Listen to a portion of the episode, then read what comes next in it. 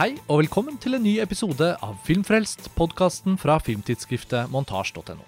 Mitt navn er Karsten Meinick, og jeg sitter her i dag sammen med Lars Ole Kristiansen. Hallo. Hei, Lars Ole.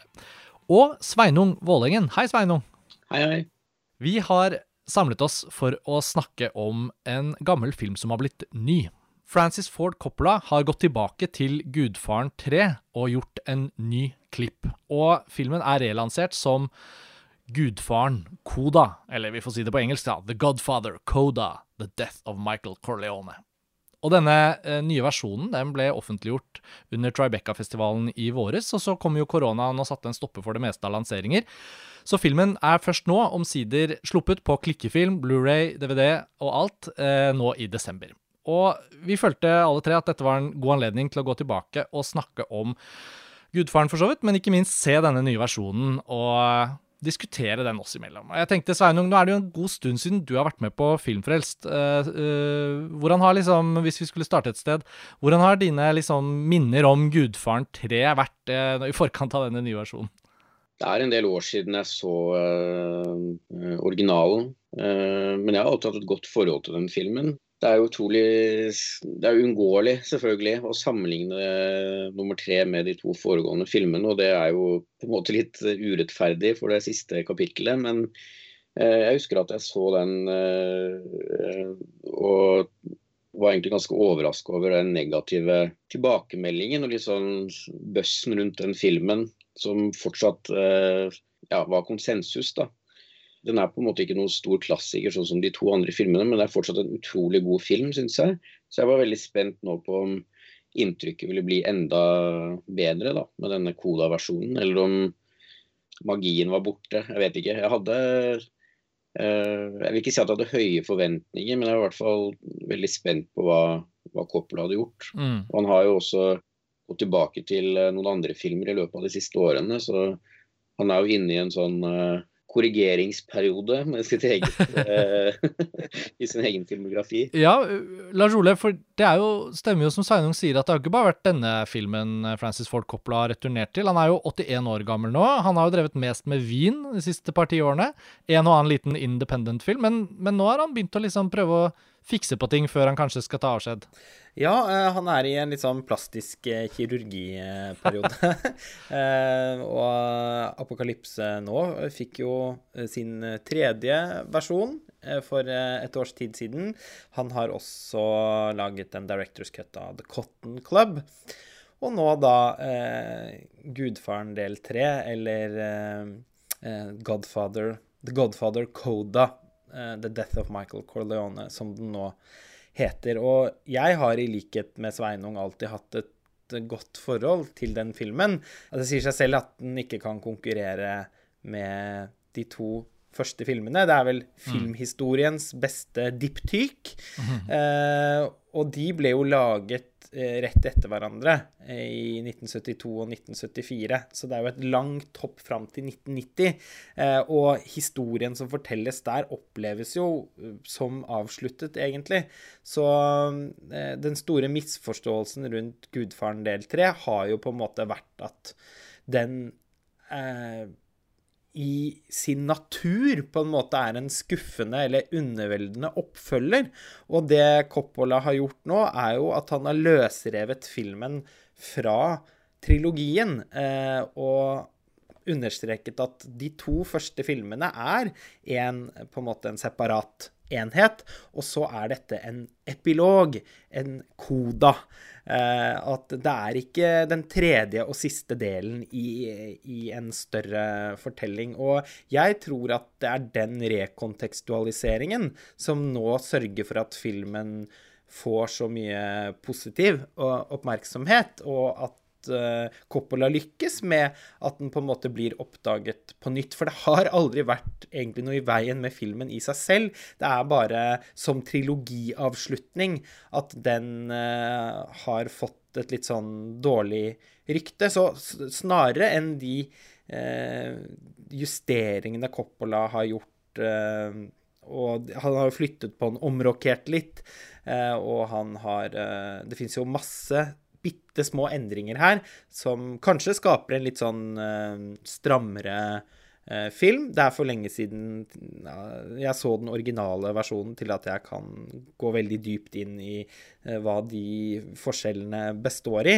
Men eh, jeg tror nok som sagt, denne rekontekstualiseringen nesten er viktigere for filmen enn egentlig grepene han har gjort. Mm.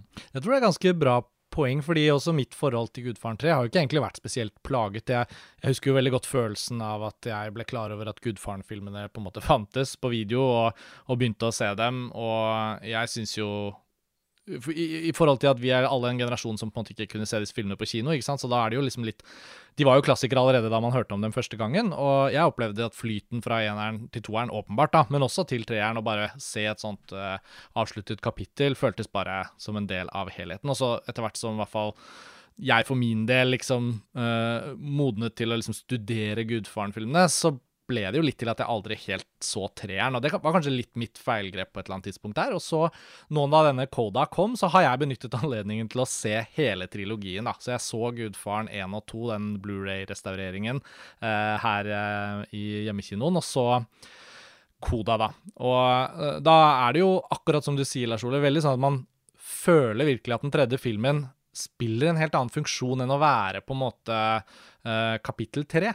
Og det syns jeg er noe av det mest vellykkede, uh, akkurat det du beskriver med relanseringen. Uh, vi alle har jo et nært forhold til Gudfaren. Jeg føler det er liksom nesten irrelevant å beskrive hvorfor Gudfaren 1 og 2 er så fantastisk og sånn. Så det, det interessante her er vel også om det fins da blant lytterne, og, og, litt hvordan vi har tenkt rundt, rundt det, det Koda representerer nå, hvordan den står seg som film. da. Jeg vet ikke om dere to andre smakte noe på Gudfaren 1 og 2, eller trengte det før dere så denne. Sveinung, var det var det å se Koda nå litt sånn at du så den frittstående som en film? Hadde du den originale versjonen veldig sånn friskt i minnet, eller hvordan var det for deg? Jeg hadde originalen ganske friskt i minnet, mye pga. at den er bygd opp av så utrolig mange minneverdige enkeltsekvenser, syns jeg i hvert fall. Mm. Så jeg huska mye av, eh, av, hva som skjedde, men, eh, men, som sagt, det er lenge siden jeg har sett den. Og det er, eh, det er ikke så lenge siden jeg har sett de, de to andre, men i motsetning til jeg, jeg, kan se for meg at det var veldig annerledes å gå på kino og se 'Gudfaren 1 og 2' når de kom, og så skulle denne kom, eh, filmen komme som en slags sånn attpåklatt så mange år etterpå. Mm. Men når jeg begynte å bli interessert i film, så så jo jeg alle tre etter hverandre og på en måte så på det som en helhet. Mens nå så jeg vel treeren mer som en uh, løsrevet film. Og opplever den også veldig som det, da, som jeg var inne på. Sveinung, du er den eneste av oss tre som også så den nye versjonen av Apokalypse nå, som kom i fjor eller forrige fjor, eller når det var. Um, før vi bare går inn i Koda, hvordan har du opplevd den uh, plastiske kirurgien til Coppola? Syns du, syns du det er spennende at han gjør de endringene? Ja, jeg kan jo si at når det gjelder Apokalypse nå, så har uh, operasjonen vært vellykket. Jeg, jeg syns at den Redux-versjonen går den kinoversjonen en høy gang. Selv om den kanskje ikke flyter like godt, så syns jeg ikke det er noen scener i den som, som egentlig trengte å kuttes bort. Men uh, utrolig nok så syns jeg den final cut-versjonen som kom for et års tid siden, var uh, enda litt bedre. Mm. Og den var jo da strammet ytterligere inn igjen fra den Redux-versjonen. da. Hele den med Playboyene i helikopteret og alt det der er borte. Og den ganske langtrukne monologen på slutten der, den, den var også korta ned. og så jeg vet ikke. Det var på en måte en slags mellomting mellom kinoversjonen og Redux-versjonen som jeg syns fungerte veldig godt. For alt dette med såkalte directors cuts, eller nye klipp som kommer, nye versjoner som kommer og sånn. Det er jo veldig sånn hjemmevideotidsalderens uh, greie. Og hvis man skulle liksom sette en eller annen form for standard, så tenker jeg jo litt at Apokalypse nå, Redux uh, Kingdom of Heaven, Directors Cut, uh, kanskje den største endringen som skjedde på en av versjonene av Oliver Stones Alexander, er jo sånne eksempler på hvor det virkelig skjer noen store endringer, som liksom flytter på litt av filmen.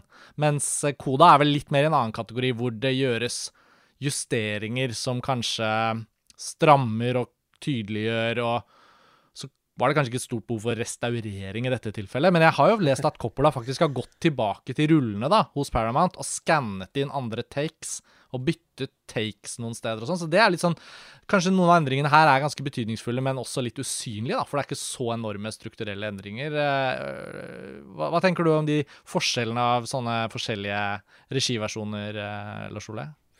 Nei, altså det Jeg syns jo det er spennende når regissører går tilbake til eh, klippebordet som om de var på en måte DJs, eh, og, og lager remixer av, av storverkene sine. Det er jo virkelig tilfellet for Oliver Stone og Alexander, da, som har fire versjoner. Eh, den siste versjonen der òg er jo litt som eh, Apokalypse nå final cutten du beskrev, eh, Sveinung, nemlig at den er en slags mellomting mellom kinoversjonen og det som er den mest ekstreme versjonen, eh, som vel eh, heter eh, The Final Cut, og så heter den eh, den mellomtingsversjonen, som vel de fleste kanskje er enige om at det er den beste, eh, Ultimate Cut.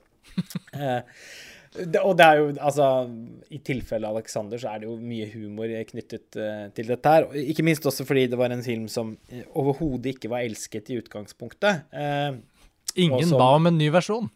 nei. Og det er også veldig vanskelig å se for seg at, at de som ikke satte pris på originalen, vil sette vesentlig større pris på noen av de andre versjonene. Eh, kanskje bortsett fra den som misvisende heter Directors Cut, som er eh, dramatisk kortere. ja. eh, men det er jo da den eneste versjonen som virkelig ikke er Directors Cut, fordi kinoversjonen er Altså, det var Stone sin egen versjon. Eh, men eh, nå skal jo Ja. ikke dette bli en podkast om Alexander, selv om jeg alltid syns det er morsomt å snakke om den filmen.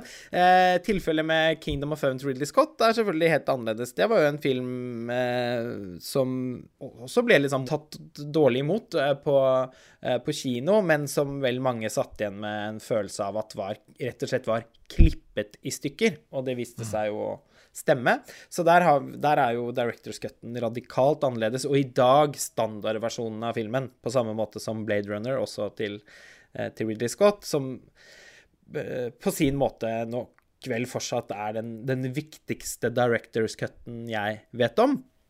Og det, det blir jo helt unaturlig å sette The Godfather Coda i, i sammenheng med så radikalt endrede versjoner som, som Blade Runner og Kingdom of Heaven. Her er det, eh, som jeg var inne på i stad, egentlig ikke for endringene, men det at filmen presenteres som en, eh, som en enkeltstående eh, fortelling. Som, et, eh, som et apropos som skal vurderes i lys av seg selv. Ja. Det er jo den største forskjellen, og nettopp derfor valgte jeg å ikke ta gjensyn med eh, de to første filmene, for å på en måte ikke få den trilogifølelsen. Og det er også filmer jeg kjenner veldig, veldig godt. Jeg kjente ikke på noe sånn behov, akutt behov, for å liksom eh,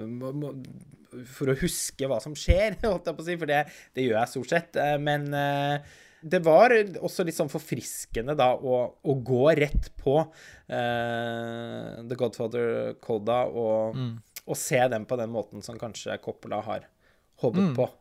Ja, altså jeg, og Gjensynet mitt med Gudfaren 1 og 2 Det handler litt om at jeg har hatt, jeg hatt Og jeg har lenge tenkt på det. Altså Jeg har hatt den lengste perioden min av livet mitt med Gudfaren-filmene uten Gudfaren-filmene, hvis det går an å si det på den måten. Altså, ja, Av en eller annen grunn så har det gått ganske mange år. Jeg tror det har gått ti år siden jeg liksom så dem sånn konsentrert i ett. og sånn. Det er jo alltid sånn at det dukker opp klipp og sånn. Og så når jeg da så dem, så var det litt fordi nå er vinduet her. Nå skal jeg se Koda, så nå må jeg uh, Jeg hadde jo ikke engang åpnet Blu-ray-boksen min. Um, og det var ikke nødvendig, på en måte, men for å kommentere på det du sier, Lars Ole, så tror jeg at det som skjedde for min del, var at alt fra Gudfaren 1 og 2 sitter jo selvfølgelig så godt i at det var ikke sånn at jeg ikke husket noe.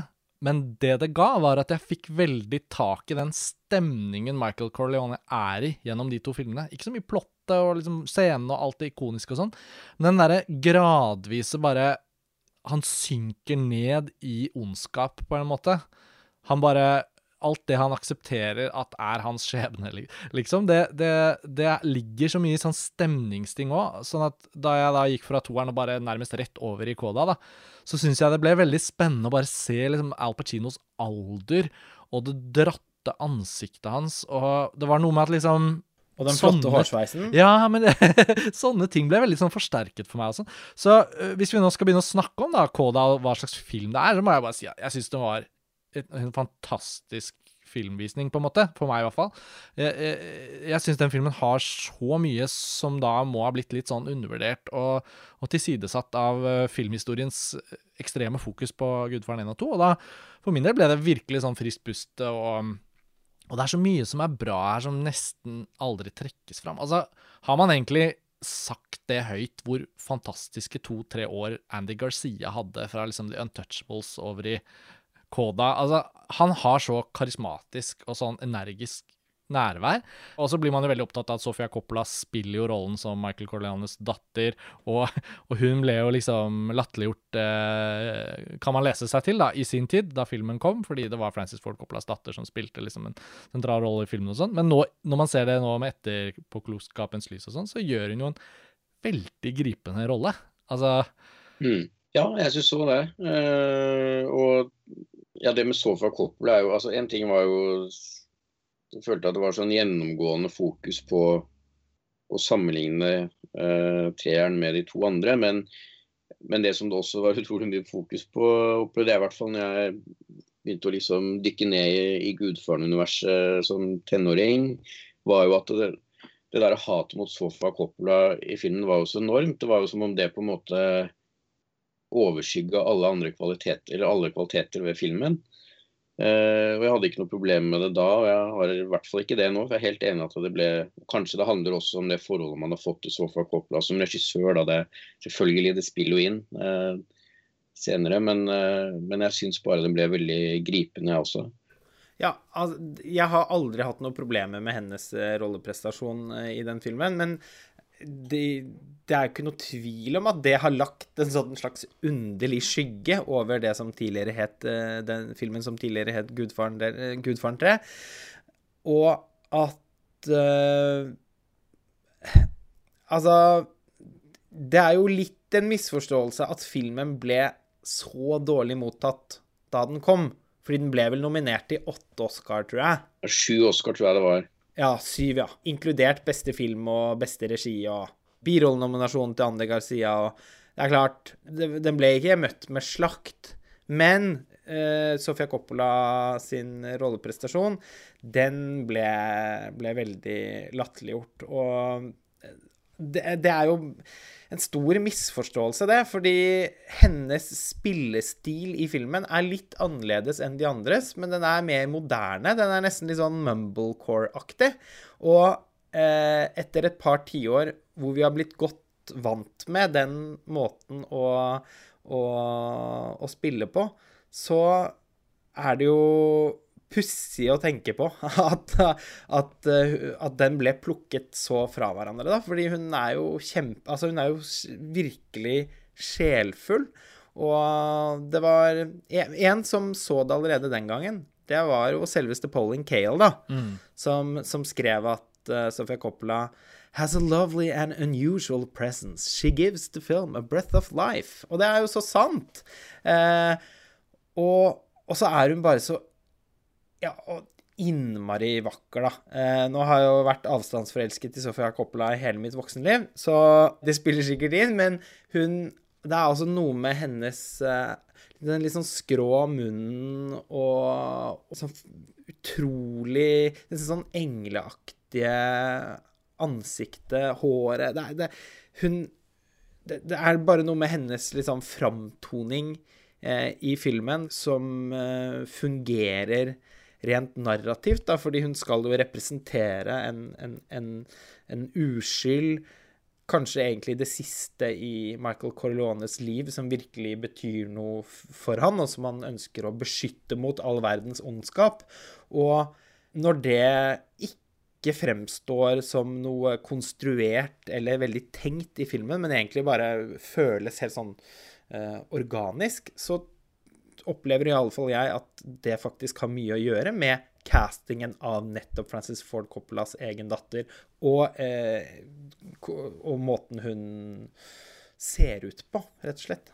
Mm. Hun har en sånn nydelig fremtoning, og hennes skjebne i filmen er jo også gripende nettopp fordi hun er liksom drømmen om den nye generasjonen, og så er det dømt til å gå den veien fordi Michael på en eller annen måte, nærmest som en slags sånn straff fra oven, skal eh, leve gjennom eh, og se alle de rundt seg rammes av den arven han selv prøvde å rømme fra. Så det er noe sånn derre Der er jo liksom hele den familiesymfonien som Coppola egentlig har tatt på seg å lage. Jeg husker en sånn uttalelse fra Det er sikkert noe bakommateriale eller noe jeg har lest, eller Men jeg husker jo veldig godt den derre pitchen som ofte har blitt referert til, om at Coppola til slutt ble overbevist om å gjøre Gudfaren, og klarte å overbevise Paramount om at hans idé til hvordan de skulle gjøre denne boka, som var sånn B-pulp-bok som hadde blitt veldig populær, det var jo å gjøre det som en sånn familiesaga og en, en, kritikk av kapitalismen, på en måte, heller enn å gjøre det til en sånn italienske gangstere dreper hverandre, og eventuelt med noe sånn eh, morallekse om at kriminalitet ikke lønner seg og sånn. Og det å ha det som et sånt originalpremiss før han i det hele tatt har begynt på den første filmen, og så sitte og se Koda nå nesten 50 år siden første Gudfaren kom, og så kjenne på hvor, hvor, enormt godt han har klart å holde i den linjen da, gjennom alle filmene og gjennom alt. Og nå når han har strammet inn denne Den er fire minutter kortere, denne versjonen, og man føler jo også at noe av det han virker å ha jobbet veldig mye med Han sier det jo litt i introduksjonen også, som, eh, som er på Blu-rayen, og som er liksom det at han vil liksom få endt opp med den skjebnen til Michael Corleone som en sånn perfekt konklusjon på den tragedien han hele tiden egentlig var ute etter å portrettere, da. Og jeg syns det var noe sånn Også fordi at 'Gudfaren 3' er den av de tre filmene jeg har sett minst, og liksom ikke hadde så godt minne som de to andre, så syns jeg også den føltes veldig sånn frisk og fersk. Og det handler jo litt om hva slags filmer som lages nå òg, da. Dette er jo sånn Man blir jo helt svimmel av at film ble laget på en så klassisk og likevel gjennomarbeidet, detaljert. Den tok seg tid til ting, og det er liksom ting i denne filmen også som jeg, som jeg føler jeg liksom ikke ser. Eller jeg vet ikke om dere føler dere gjør det, men utover noe Paul Thomas Anderson kanskje lager innimellom, eller Det er jo veldig, veldig veldig sjelden man ser sånne filmer lages i dag. Det er på en måte som om denne typen film er blitt forlatt, da. Ja, og kolonefamiliens New York er veldig annerledes enn det New York som vi kanskje så på film i 1990. De lever liksom i sitt eget uh, litt innkapslede, gammeldagse, hierarkiske univers. Mm.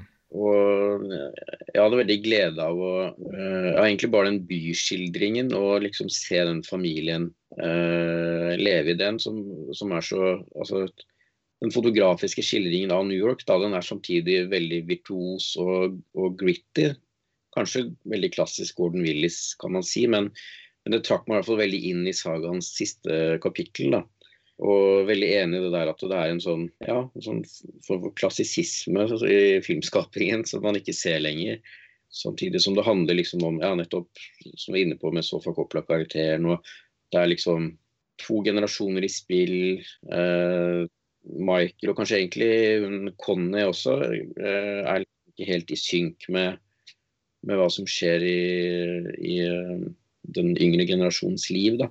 Nei, og, det, og, og poenget med at, at, at uh, den klassisismen som, som, Coppola er så kjent for, selv om han har laget mange eksperimentelle filmer også, så at, at den liksom ikke helt vokser på, på trær lenger. Og jeg vet jo du er veldig stor tilhenger av James Gray, Sveinung. Og han er jo en filmskaper som gjerne settes litt i sammenheng med Coppola, nettopp fordi at han er så klassisk i uttrykket. Og du nevnte jo Paul Thomas Anderson, Karsten, som jo er et eh, Også er helt naturlig å tenke på, samtidig som hans filmer også har noen Gjerne har noen litt sånn avantgarde-trekk. Mm. Men jeg, jeg, jeg, vet innmari godt hva du liksom sikter til, fordi jeg, jeg, kjenner det veldig sterkt når jeg får følelsen av å se en sånn film. Jeg tror siste gang jeg hadde en sånn euforisk opplevelse av å se en klassisk amerikansk film som man på en måte veldig sjelden opplever i dag, det var nok The Post, tror jeg, til Steven Spielberg. Ja, den var jo Den hadde den typen kvaliteter. Um, og jeg opplever jo at det er ikke gammeldags å savne den typen film, fordi det er ikke sånn at det vi nå snakker om som en egen kvalitet, nødvendigvis er noe som hører en epoke til. Det er jo ikke noe i veien for å forsøke å opprettholde en form for filmskaping som ja, eh, tar i bruk på en måte en såkalt klassisk fortellerstruktur eller klassisk tematikk og sånn, men nå det er nesten så jeg føler at vi tidvis i 2020 da blir så opptatt av vår egen samtid, eller moderniteten skyller innover, og folk skal alltid liksom ta tak i ting på en måte som gjør at man glemmer at dette er bare noen få Dette er bare et lite kort pust av den lengre historien, da. Mm. Noe av det jeg setter pris på med eh, det jeg definerer som en eh, filmklassisisme, det er jo nettopp evnen til å fortelle liksom, kompliserte historier på en veldig klar og, og musikalsk eh, måte. Og med en, eh, med en estetikk som eh, som konnoterer en, en, svunnen tid, på en eller annen måte. Altså, mange har jo sammenlignet Gordon Willis eh, sine Altså hans arbeider i, Gud, i de to første Gudfaren-filmene med Rembrandt. Og jeg vet ikke For meg har estetikken her eh, veldig mye å si, da. Og Gudfaren del tre, på tross av Eh, som Sveinung eh, var inne på, noen eh, interessante sånne tidskapselelementer. Fordi den er litt 90-talls òg. Umiskjennelig i både enkelte av kostymene og ikke minst New York-skildringen. Så sitter jeg likevel igjen med et veldig sånn tidløst inntrykk. Og det er jo interessant å tenke på at Coppola mellom 'Gudfaren del 2' og, øh, og 3 ble egentlig en helt annen filmskaper. I filmer som uh, 'One from the Heart' og Rumble Fish. Og, han, det, han ble jo på en måte komplett ugjenkjennelig på et tidspunkt der, og så vender han tilbake til den uh, uh, Til den stilen som mange vel da i utgangspunktet forbandt med han i gullårene på, på 70-tallet. På tvers av disse tre filmene til Coppola så føler jeg at han i lange perioder bryr seg også veldig mye om en form for sånn kulturell og familiær spesifisitet. Det er egentlig overraskende mye tid som også går med, selv om den er veldig klar og ren, og fremdriften er ofte liksom pustberøvende i hvor mye som utspiller seg, og hvor mye man føler man klarer å ha oversikt over. Men når han først da tilbringer tid i et bryllup eller har lange sekvenser hvor folk skal inn og ut til uh, Vito eller Michael Corleone for å be om uh, råd og tillatelser og tjenester og sånn, så, så, så er, det, er det noen av de detaljene han tar seg tiden til å fange opp, som nesten føles litt sånn dokumentariske. da. Jeg syns det også gjelder i Koda, og det var sånne ting ved treeren som jeg nesten ikke husket i det hele tatt. Uh, hvor mye tid han bruker, da, både på Cecilia og, og, i New York der på det familieselskapet, og sånn som liksom binder alt sammen og forankrer det veldig i en sånn kulturell uh, tilhørighet for italienske amerikanere. da. Så um, Nei, jeg syns det er um, Det er mange fine ting å liksom bli påminnet om og sette pris på ved å se Koda, da, og jeg håper liksom ikke bare vi, men også mange av lytterne våre føler seg litt sånn inspirert til å gå tilbake og, og, se på den. Nå er den jo sluppet på som sagt, digitale tjenester og Blu-ray, og den er jo veldig sånn bredt distribuert, selv om den ikke nå går opp til noen sånne kinovisninger, da, foreløpig. Det kan jo hende det kommer i 2021. Sveinung, du nevnte i stad at uh, det er en film uh, der enkeltsekvensene virkelig skinner. Kunne du uh, nevnt hvilke som står mest ut for deg? Jeg husker veldig godt når jeg gikk på, på medier og kommunikasjon på videregående, og at uh, på et av disse klassiske øyeblikkene hvor TV-en blir rullet inn og videokassetten plottes i, så var det den kryssklippesekvensen fra uh, mot slutten der med henrettelsene og, og, operaen som skulle vises, da. Uh, som et eksempel på, på nettopp kryssklipping. Eh, jeg syns jo det er en, eh, en utrolig god og ja, sånn, nettopp operalignende sekvens. Uh, og ja, det helikopterangrepet står ut, og det er liksom Og selvfølgelig også når Michael får dette an anfallet og sier den udødelige replikken I thought I was out, they pulled me back mm, in. På kjøkkenet der. Mm. Ja. Det var blitt også ja, viktig Sopranos, uh, for de som har sett den. Men uh, ja, jeg, jeg, må si, uh, der syns jeg filmen skiller seg litt fra uh, fra andre Coppola-filmer, er at den er bygd opp så tydelig av sånne enkeltsekvenser som, som flyter uh, inn i hverandre. Ja, for man tenker jo ikke på han som en eh, sekvensorientert regissør, på så, sånn som Brian De Palma, f.eks. Nei, for den, den minna meg faktisk litt om Scar... Eller jeg tenkte på Scarface, faktisk, når jeg så Koda nå. Ja, du tenker jo alltid på Scarface, så Nei, men jeg skjønner innmari godt hva du mener. Jeg tenkte litt på De Palma sjøl, ja, særlig den siste halvtimen, da. Eh, som jo må sies å bare være et isolert mesterverk, rett og slett. Eh, noe av det flotteste Coppola har, eh, har, gjort, egentlig. Og jeg fester meg ellers også ved de, de samme sekvensene som deg. Altså dette helikopterangrepet til han Joey Saza. Mm. Oppriktig sjokkerende når det inntreffer. Vanskelig å forberede seg på om man ikke har sett filmen fra før av. Til og med litt vanskelig å forberede seg på når man vet at det kommer. Og også altså Andy Garcia sin uh, hevnaksjon mot uh, Zaza der i Little Italy under en festival, er helt vanvittig bra regissert, rett og slett. Den peker jo til den ikoniske henrettelsen til Vito Corleone i toeren, når han etterfølger han mafiabossen ja. og tar styringen der. Det er jo det er ikke noe sånn wink-wink over hvordan Coppola litt refererer til sin egen sekvens, men det er veldig fint fordi ettersom han er så opptatt av hvordan hver generasjon kommer og plukker opp tråden fra den forrige, eh, både det de ikke vil ha med og ikke klarer å rømme fra, og det nye de tilfører, så er det jo ganske kult hvordan Andy Garcia er så tøff det er på i politiuniformen og eh, liksom Og med hesten og ja, Nesten sånn westernaktig. Det er så mye bra i Gudfaren 3, eller Koda, da, som vi Som jeg kanskje ikke føler snakkes nok om. Og, og, og, og, da Noe av det jeg husket best fra filmen, er jo selvfølgelig avslutningen der på trappene utenfor eh, kirken, eh, som, som Det er bare så utrolig treffende og tragisk for hele trilogien at den scenen Du føler liksom at den må komme. Altså, det som gjør den sluttsekvensen så fantastisk, er jo hvor tålmodig han er med å vente med å gi oss det vi frykter at kommer. Og vi vet ikke helt når den kommer. Og det er ganske kult hvordan han lykkes så godt med å egentlig legge fram alt rett før. Vi får vite hvem leiemorderen er, vi får vite at han kler seg ut som prest. Får, egentlig får vi jo vite alt.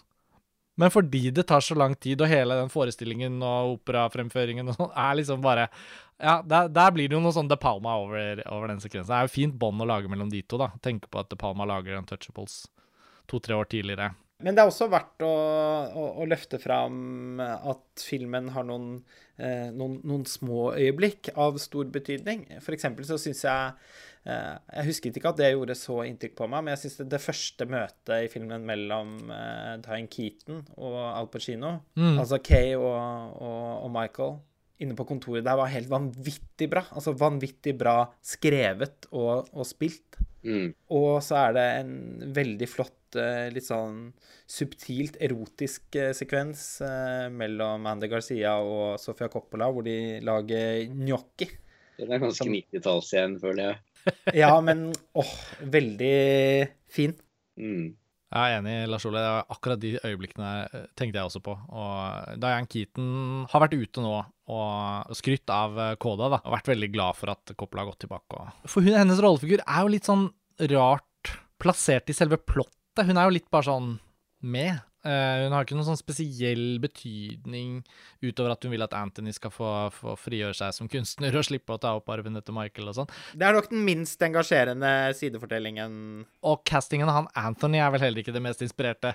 det jeg satt og tenkte på det samme, at, at det var Sofia Coppola som skulle få smake pisken av de to søsknene, det er jo ikke til å tro. Det er, uh, det er misogyni. Man kan nesten tolke det som at han har startet baklengs, da, at han vet at han skal ha en operasekvens, og han må caste en som kan synge opera, så dermed går han til liksom, en eller annen operaskuespiller ja. som ikke kan å spille, og så blir det sånn. Han har nok det. For han kan ikke spille. Nei, det kan han ikke. og, men, uh, men, det har ikke noen sånn stor innvirkning. Eh, likevel så må man jo si at Diane Keaton, hun og Robert Duvall er jo veldig sånn balansepunkter i de to første filmene på hver sin måte. Og Robert DeWall, han savnet jeg litt. Jeg syns det hadde vært ganske flott om Tom Hagen var en del av kodaen, da. Mm. Har ikke jeg lest noe om hva det var som skjedde der, om det bare Coppola valgte å skrive han ut. Men det er jo så rart, for sønnen hans er jo der og skal bli prest i Vatikanet og sånn, og så sies det liksom ingenting om hvor det ble av Tom Hagen. Nei, vi tror det er sånn at uh, Robert Duvall uh, ikke ønsket å stille. Det gir mest mening. Vi får, eh, ja, jeg husker ikke det. Han var jo i Apokalypse nå, så det kan jo ikke ha vært så på dårlig fot, men ja. Kan jeg bare si en, en annen birolle som, jeg, som, grep meg veldig når jeg så filmen igjen nå, var uh, Talia Shires Codney-karakter. Og det handla også mye om, litt tilbake til det med, med foto igjen, da, og, og, det analoge med, med svartnivåene og sånt. Men jeg syns ja. hennes bekledning, ja, hennes sorte kostymer og hodeplagg, og de mørke øynene og uh, bare ja, som en sånn karakter som er så inngrodd i familiens tradisjoner, uten egentlig å ha blitt utsatt for de ja, lastene og avgjørelsene da, som har uh, satt sitt preg på Michael. Og hun er jo veldig en sånn slags talsperson for, uh, for Vincent og Anne Garcia sin karakter.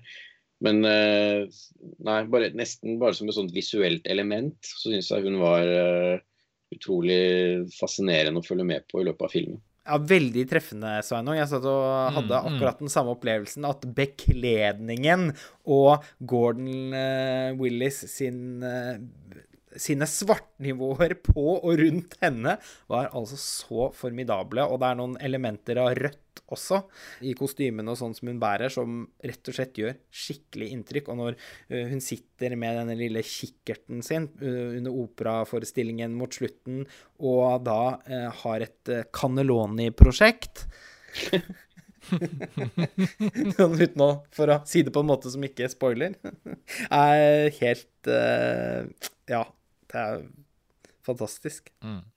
Sveinung, du har jo jobbet uh, på Cinemateket i Oslo i år, og masse erfaring fra programmering på Cinemateket i Tromsø på Verdensteatret, hvor du også har jobbet de siste årene. Og liksom bare tenkte Gudfaren-filmene er selvfølgelig litt sånne opplagte filmer å innimellom trekke frem igjen i programmene og sånn, men når en sånn ny versjon av Koda kommer, da er det da sånn blir det snakket om ved kaffeautomatene på Filmens Hus om at kanskje det kunne vært noe, liksom? Eller? Ja, det har blitt snakket litt om. Men ellers så er jo Gudfaren-filmene sånne titler som dukker opp eh, støtt og stadig som forslag til, eh, til fellesfilmer for alle cinematekene. Mm. Men det har faktisk vært uh, vanskelig å få vist de. Jeg vet ikke om det har noe med, med denne nye versjonen av, av nummer tre å gjøre, eller hva. Men det har i hvert fall vært vanskelig å, å få rettighetene til å vise det en periode.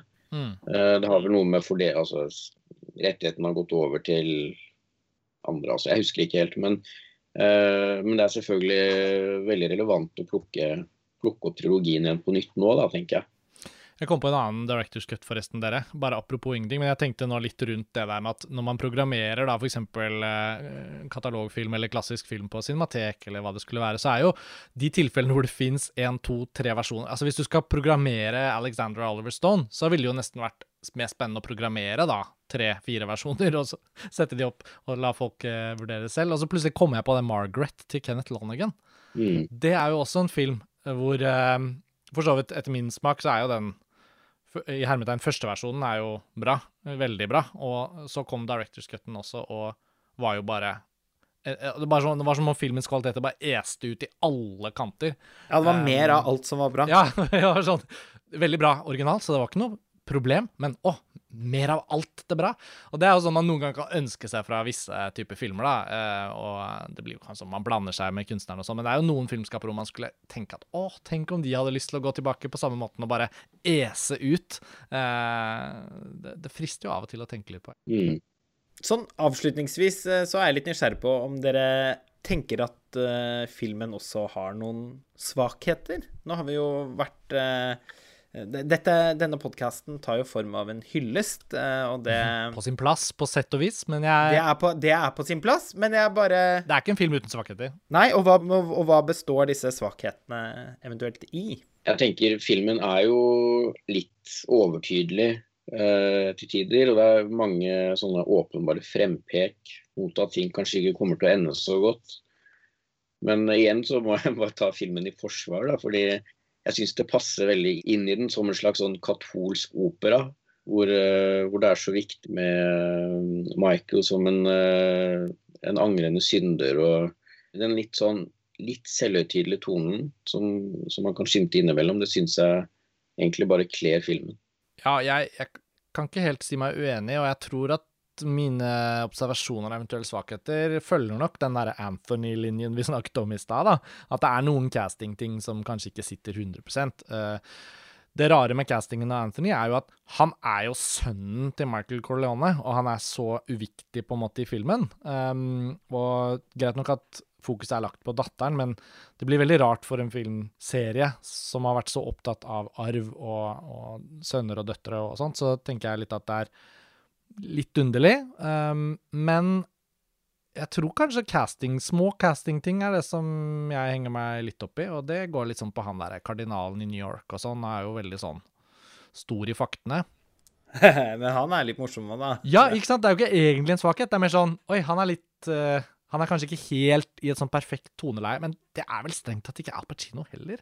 Han, han, han ble jo ikke en bedre skuespiller uh, inn i starten av 90-tallet der. Det var ikke hans beste fase. Så toppet det seg jo plutselig veldig da med Heat uh, midt på 90-tallet, men han hadde en liten sånn dupp der. Det er jo en kunst å bruke Al Pacino riktig. Altså, Al Pacino har jo aldri vært bedre enn i de to første Gudfaren-filmene. Nei, nei, nei. Det har gått på en måte nedover derfra. Men han er jo, fordi Heat er så bra, og Al Pacino for Det er jo en av de få filmene hvor hans store, eh, overdrevne Al Pacino-spill har på en måte fungerer så bra at, eh, at det er som om det er skapt for den filmen. ja, altså Man må jo bare le eh, under åpningssekvensen med fortekstene til Heat, med Elliot Goldenthal sin musikk ulmen i bakgrunnen, og han og Al Pacino har sånn, sånn Oi! Sånn i totalt Pacino-modus med en gang! Da, Ja, ja. da må man jo flire Ja, litt. og så og så må man ikke glemme møtet mellom Al Pacino og Oliver Stone i Evny Given Sunday. Der, er han også, der opprettholder han jo litt av den heat-energien og tar det enda Ja, noen hakk videre. Og så, uh, altså, og uh, jeg syns jo hans uh, rolleprestasjon som Tony Montana i Scarface er helt uh, utrolig, bare så det er sagt. Men, men det er klart at han har jo aldri vært uh, Han har kanskje aldri vært en så subtil skuespiller uh, med uh, Egentlig, da, så, så, så blir jo verden kjent med han som en skuespiller som evner å uttrykke veldig mye med små fakter. Nettopp. Og den Pacino så vi aldri igjen, og, og, den, og han møter vi heller ikke i Gudfaren eh, 3.